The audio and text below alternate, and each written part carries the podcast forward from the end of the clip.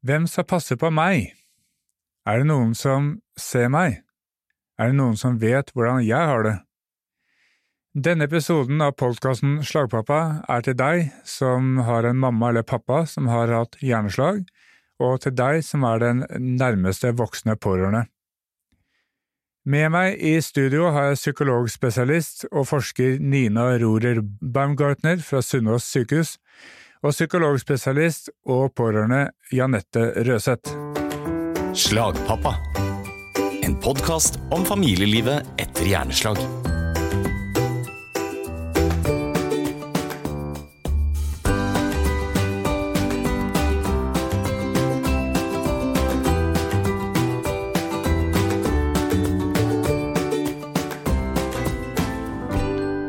Hei, Nina og Janette.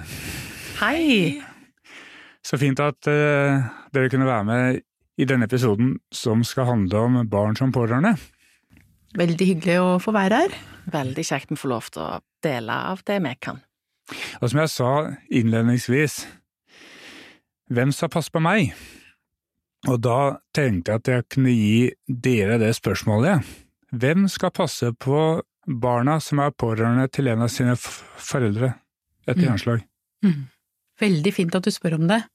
Veldig viktig tema å ta opp. Og så finnes det ikke nødvendigvis ett svar som passer for alle. Nei. Eh, Jeg vet at eh, når mannen min fikk hjerneslag, da var jentene våre tre og elleve. Da var det viktigste for meg at jeg visste at de var trygge.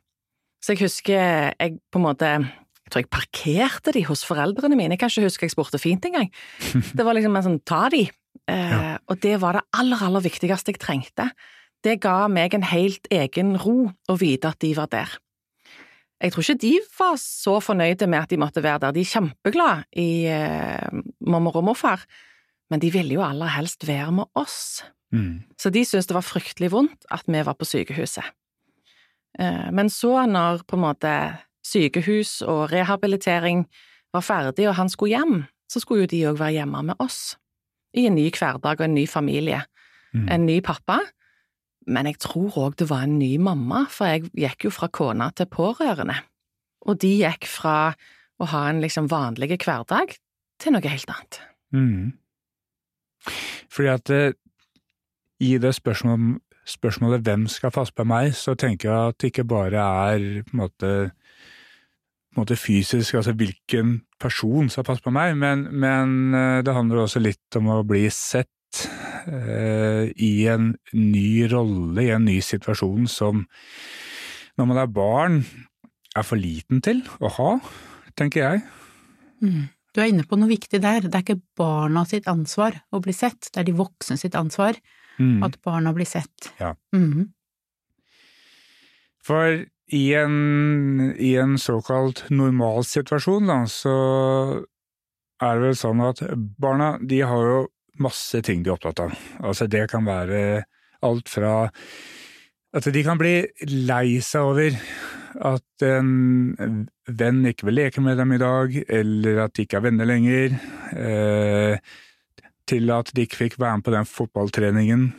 Sånne tilsynelatende små hverdagslige sorger, da. Men som er viktig for de barna som står i det, i deres virkelighet. Og så kommer da eh, hjerneslag inn. Hvilken omveltning er det? Hver person som får hjerneslag, er forskjellig før slaget. Mm. Hvert hjerneslag er forskjellig, og hver familie er også forskjellig før slaget rammer. Det er veldig mm, mange faktorer, egentlig, som spiller inn på hvordan det går eh, med barna, og hvordan de rammes. Samtidig som noe er jo felles også, enten det er hjerneslag eller andre typer kriser som, som plutselig rammer en familie. At man er mye redd i starten, for eksempel. At um, mamma og pappa er veldig stressa, og de også er redde. Som du sa, Janette, altså, jeg var også en annen mamma. Ikke sant? Det er én som da er ekstra hardt rammet, men som har fått eh, hjerneslag, mens den andre forelderen kanskje heller ikke akkurat sånn som han eller hun var før. Mm. Sånn at det påvirker hele familien. Og hvordan foreldrene takler det, vil jo også påvirke hvordan barna har det. Mm. Og i hvilken grad barna blir inkludert. Altså får de lov å hilse på på sykehuset, får de tilrettelagt informasjon? Jeg er opptatt av at barn skal få informasjon, skal få svar på spørsmålene sine, men at vi bruker et språk som de forstår. Og da kan man egentlig være ganske ærlig med barn, hvis man sier det på en god måte. Mm.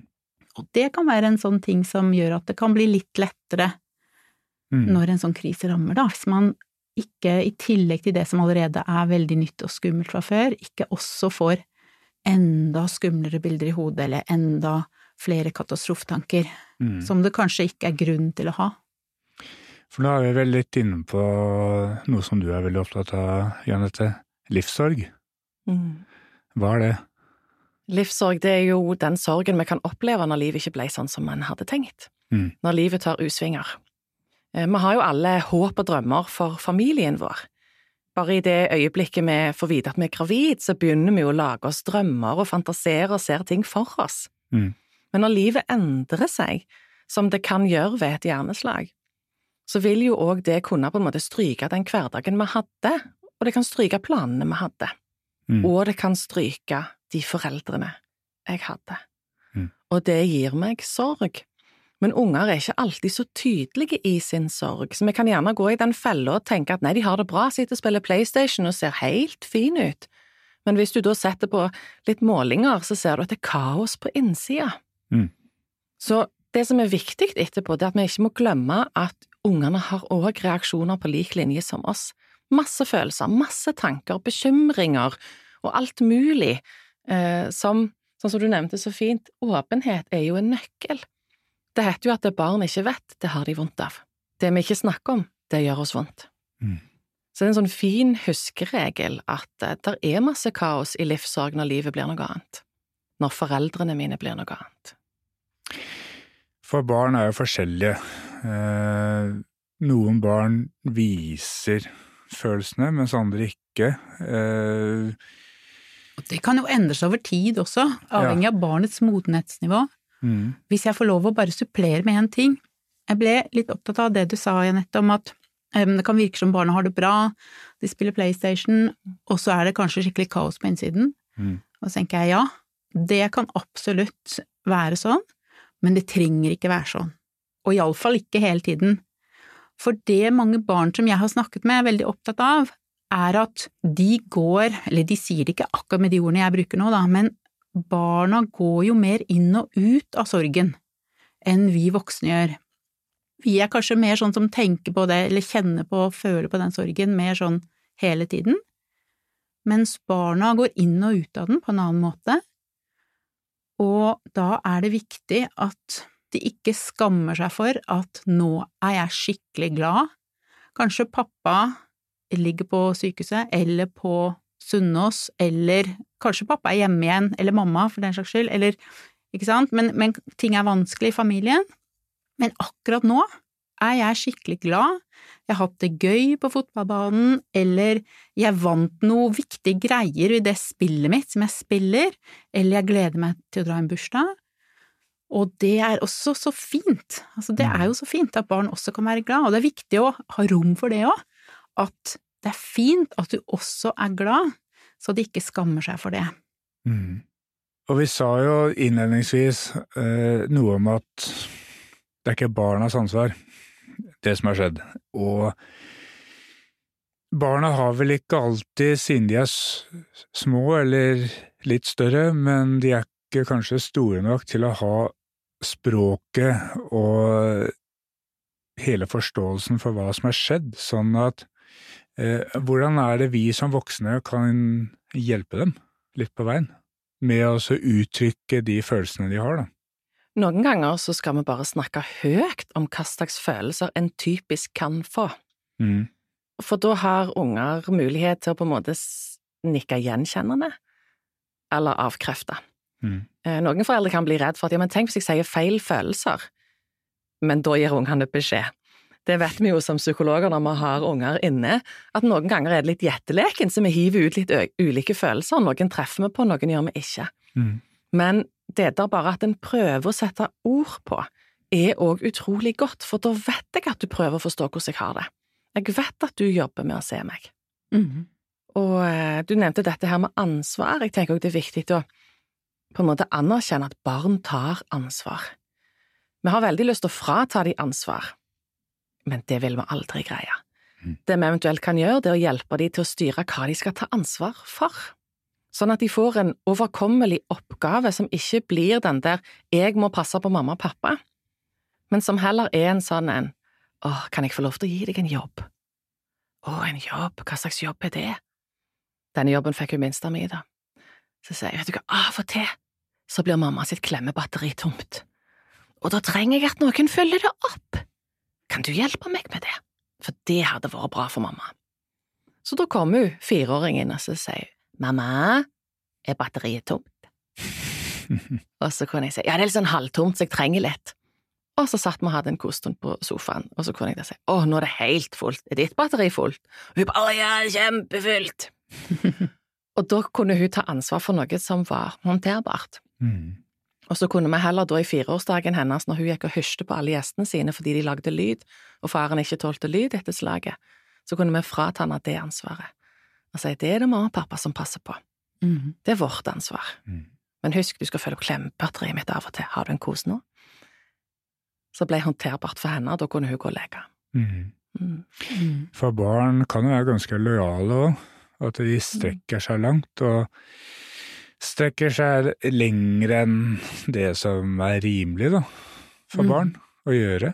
Mm. Uh, Nina, du har vært inne på at familier er forskjellige, og, og de slagrande er forskjellige, og altså det er individuelt dette her, men er det likevel mulig å si noe om måte, hvilke senvirkninger er det barn kan ha som pårørende, som måtte vare over tid, og som de kan sitte sitter med, da, på en måte, som setter seg.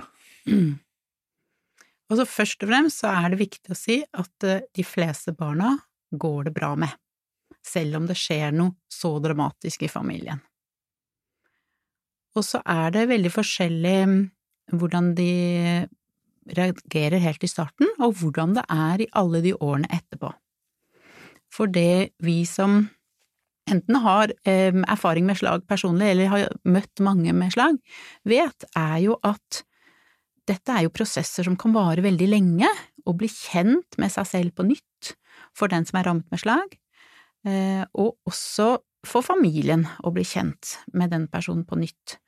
Og ting kan endre seg litt over tid, avhengig av jobbsituasjonen til foreldrene, avhengig av alderen på barna, ikke sant, altså en et barnehagebarn vil eh, ha helt andre behov enn en tenåring oppi noe sånt. Men på sikt så går det bra med de fleste, men noen kan selvfølgelig kjenne mye på engstelse underveis.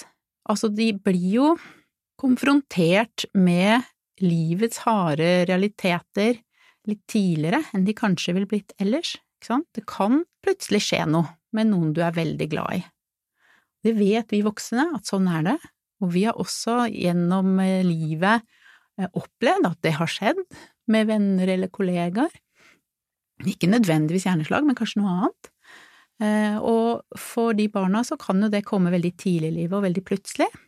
Og da er det også noen som blir mer lei seg, eller blir mer sinte, det er det litt forskning på, kan vise at barna kan være litt mer på en måte vrange, men de er jo ikke vrange, de er jo lei seg og redde. Eh, og da er det jo viktig å vise forståelse for det. Det går bra med de fleste, og det som er viktig, er å møte barnet der det er akkurat nå. Altså, hvordan har du det nå? Mm. Eh, for det kan jo endre seg over tid. Og da litt i tråd med det du spurte om i stad, altså noen sånne tips med hvordan snakke om barn. Et tips er å tørre, eller orke, å være litt i følelsene sammen med barnet. Fordi folk flest har så lett for å avlede med en gang man kommer inn på noe vanskelig Og jeg har møtt veldig mange, både voksne og barn med ervervet hjerneskade, som sier og jeg er så lei av at alle sier det har gått så bra, ikke sant? Så å faktisk orke å være litt i det at ja, men kanskje ikke alt er helt bra. Altså, kanskje ikke mamma eller pappa ble helt som før. Eh, og så istedenfor å på en måte tøyse det bort og ja, men det, ikke sant, det gikk jo så bra og pappaen din ser jo så frisk ut, men å orke og tørre å stå litt i de vanskelige følelsene og, og lytte til barnet. Kanskje til og med òg tørre å snakke om tenk hvis det ikke hadde gått bra. Mm. Eh, fordi at barn er jo kreative, de har fantasi, de vet om liv og død, og det setter jo i gang masse prosesser. Og så kan det være et tema som vi foreldre kan være litt redde for å ta i, for det gikk jo bra, eh, en har jo overlevd.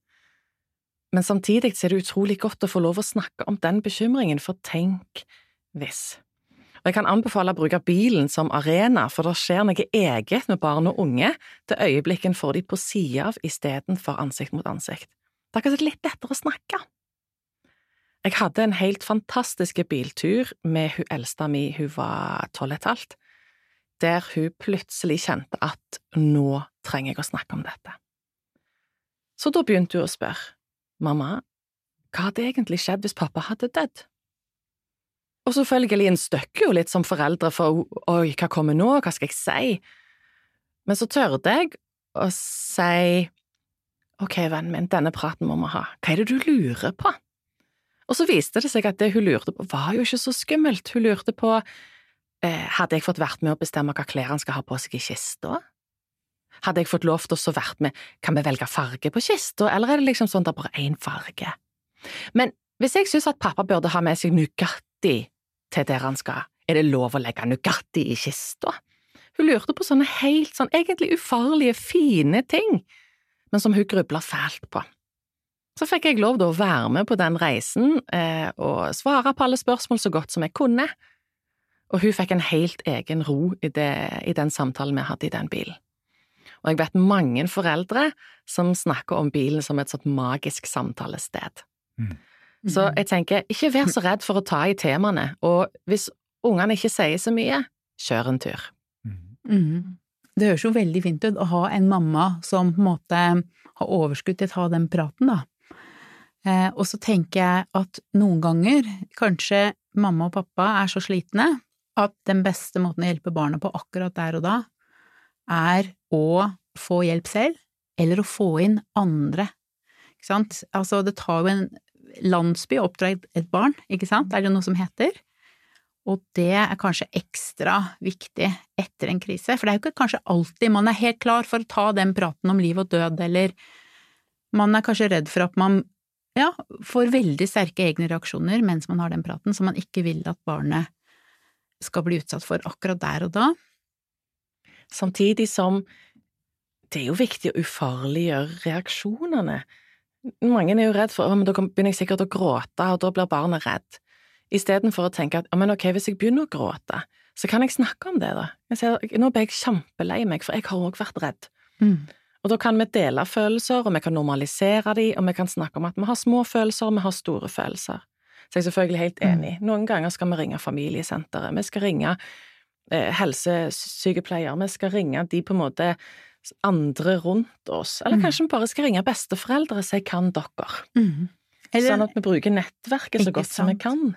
Bruke en barnevakt hvis man har behov for det. Mm. For det er noe med at ved å hjelpe seg selv, så hjelper man også barna.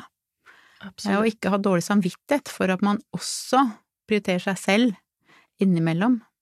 Mm. For noen barn beskytter jo foreldrene sine ved å unngå å snakke om egen sorg også. Du spurte i stad om liksom tips. Eller senvirkninger var det du lurte på, ja. ikke sant? Ja. Mm. Mm. Og da tenker jeg bare at for å ha liksom tid eh, og overskudd, energi, til å ta den praten med Kanskje ikke du kan gå rett på, da, ikke sant?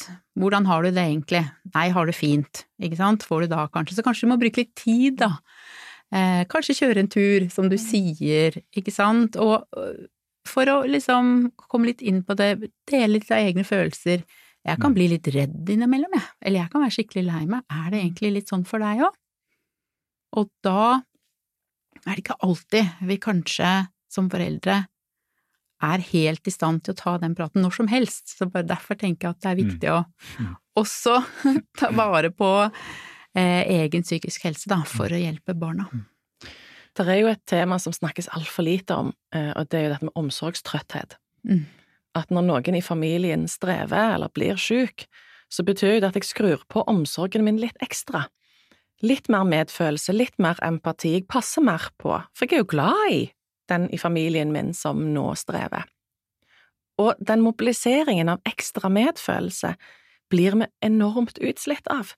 Vi kan til og med risikere at vi får en utslitt medfølelse, en utslitt empati, der det føles det ikke virker lenger. Der det akkurat så godheten og rausheten forsvinner, fordi den har gitt og gitt og gitt.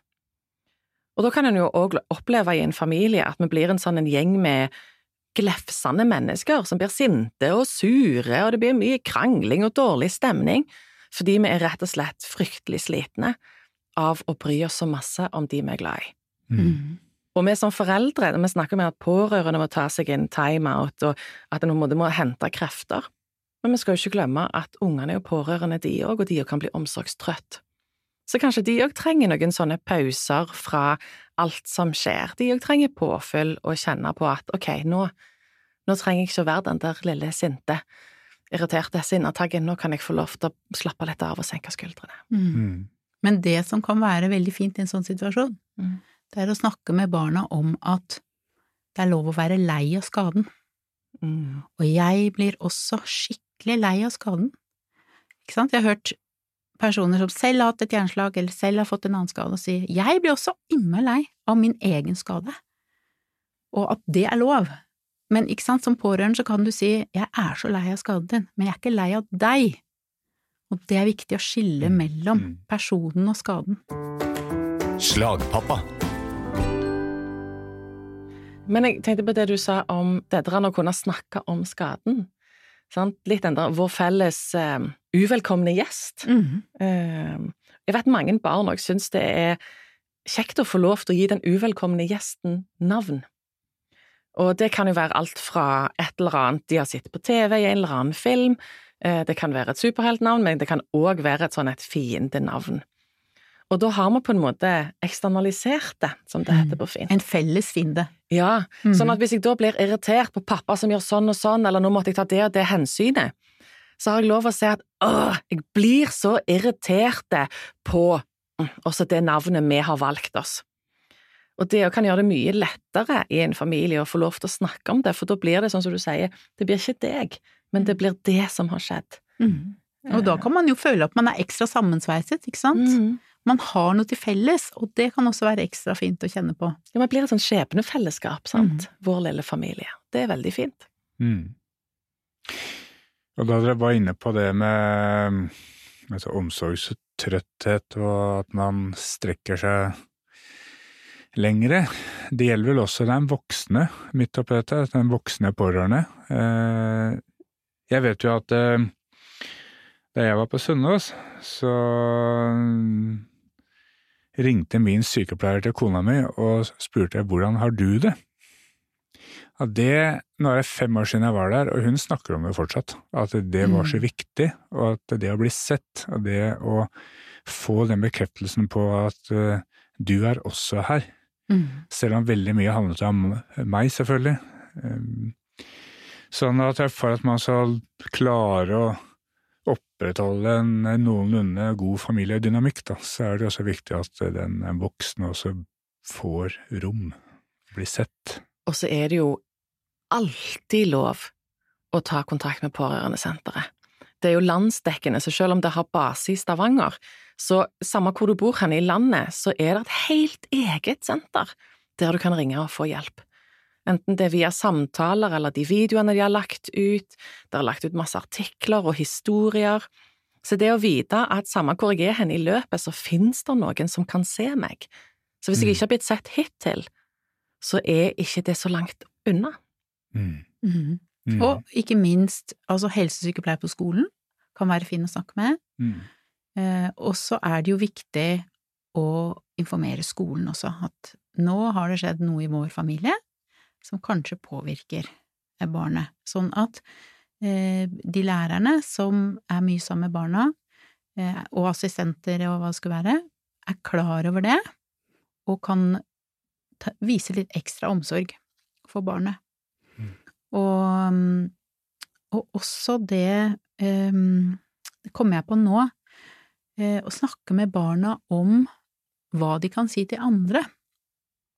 For det er mange som blir spurt, ikke sant, hva er det egentlig med mammaen din, hvorfor går hun så rart, eller hvorfor prater hun så rart?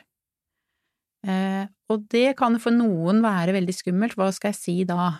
Og så dessverre så har jo liksom hjerneskadet en litt negativ klang, ikke sant, og kan til og med noen av og til bli brukt som et skjellsord. Mm.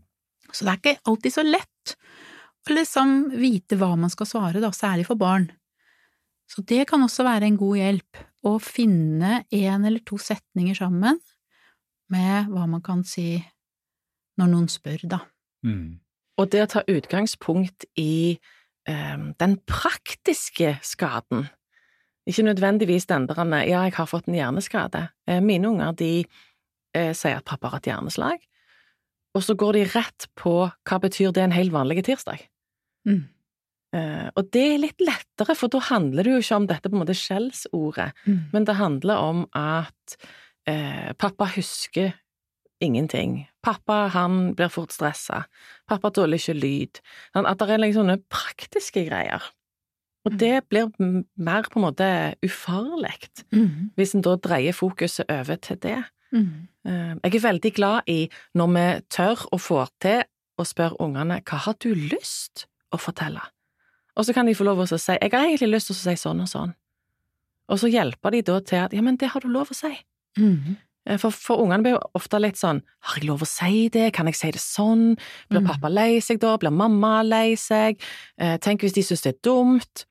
Og det å på en måte gi de fripass til at du har lov å fortelle det sånn som du opplever det.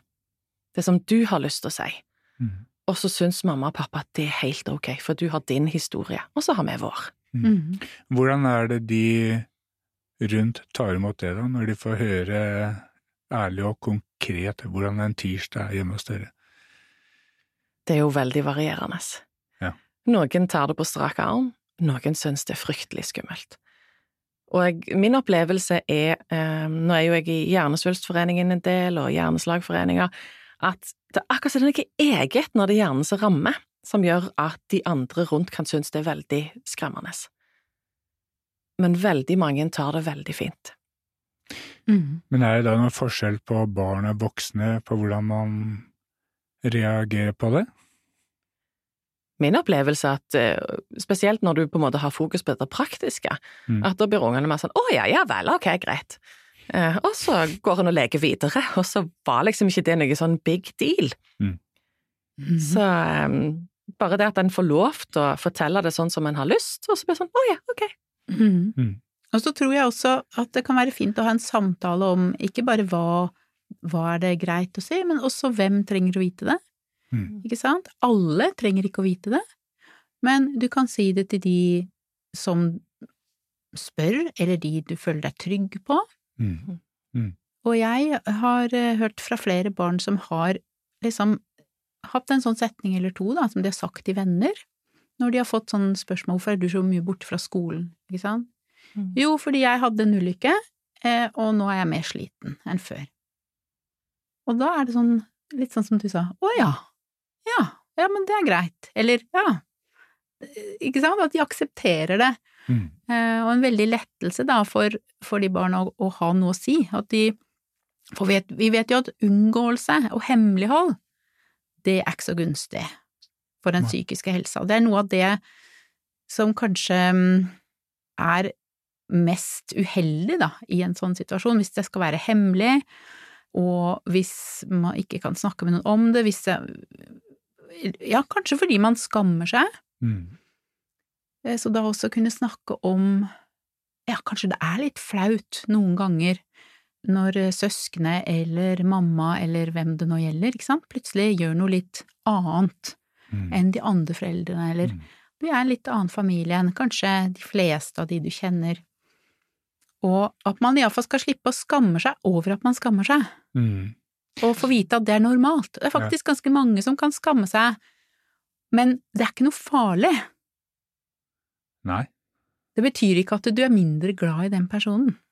Det er vel noe som kanskje sitter mest i ditt eget hode, at du skammer deg, og ikke så mye å styre rundt. Det som er så magisk med skam, er jo at det er den vondeste av alle følelser. Det er den følelsen som vi deler aller sist, som har lyst til å liksom krype oss inn i et hjørne og håpe ingen ser han. Mm.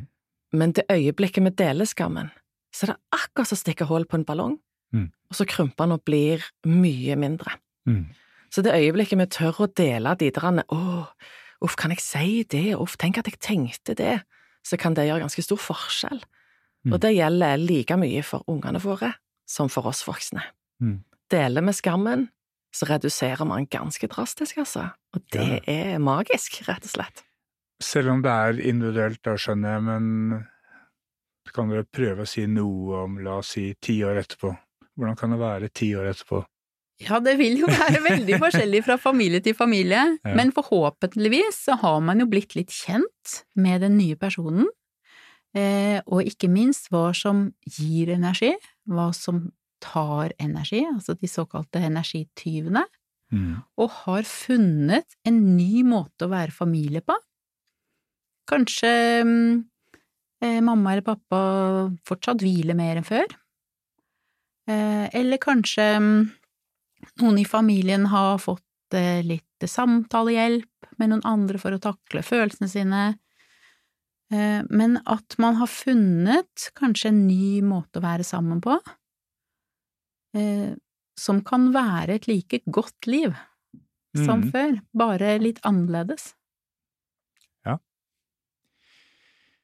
Og så kanskje er det på en måte fint òg, man har kanskje kommet nærme hverandre på en annen måte enn hvis denne skaden ikke hadde skjedd, eller hva tenker du, Anette? Det er jo et sånn et minefeltspørsmål, kjenner jeg litt på. Mm. Eh, Fordi at noen klarer seg godt, noen kommer nærmere. Men hos noen så har dette vært fryktelig traumatisk, og det har satt sånne sår og spor som jo, jeg jobber hardt med dem, men jeg får ikke helt til å riste dem vekk. Som på en måte kan være til hinder for den der hverdagen som går av seg sjøl, og det kan det være i mange, mange år etterpå. Det er jo ei felle vi går i og tenker at ja, men det er jo lenge siden nå. Så, for det, det er ikke nødvendigvis sånn følelser virker. Så jeg synes det Du stiller vanskelige, men viktige spørsmål, Martin, og det er ikke noe sånn rett fram svar på det. Men jeg, min erfaring er at familier gjør så godt som de kan. Mm. Og når en kjenner, sånn anbefalingen min er at når du kjenner at vi gjør så godt vi kan, men vi finner ikke hverdagen allikevel, så søk hjelp. Mm. Om det er nettverket ditt, eller om det er i kommunehelsetjenesten, spesialisthelsetjenesten, ikke vær redd for å bruke de ressursene som finnes. For da kan- Familievernkontoret, for Ja, eksempel. sant. Som kan hjelpe oss tilbake igjen til en hverdag der vi syns at ok, her var det godt å være. For det kan påvirke oss lenge. Det gir oss sår. Mm, Mm. Jeg synes dere har oppsummert eh, dette på en god måte, eh, hvor da noen stikkord er åpenhet, eh, sette ord på de følelsene vi har, både barn og voksne pårørende og den slagrammede selv, og, og at det er noe vi står i over lang, lang tid, men kommer inn i nye faser. Mhm. Og søk hjelp hvis du trenger det. Og søk hjelp hvis du trenger det. Mm. Så det er vel egentlig bare for meg å si takk for at dere kom, og at dere delte så viktige erfaringer og kunnskap i podkasten. Tusen takk for at vi fikk lov å komme. Tusen takk. Er det noe du lurer på, eller ønsker at vi skal ta opp i denne podkasten, send meg gjerne en e-post eller melding på Facebook eller Instagram. Du finner Slagpappa på Facebook og Instagram og på slagpappa.com. Podkasten er produsert av Megahertz Studio i Oslo og laget i samarbeid med LHL Jernslag og Afasi. Prosjektet er støttet av stiftelsen DAM. Mitt navn er Martin Aasen Vrikt.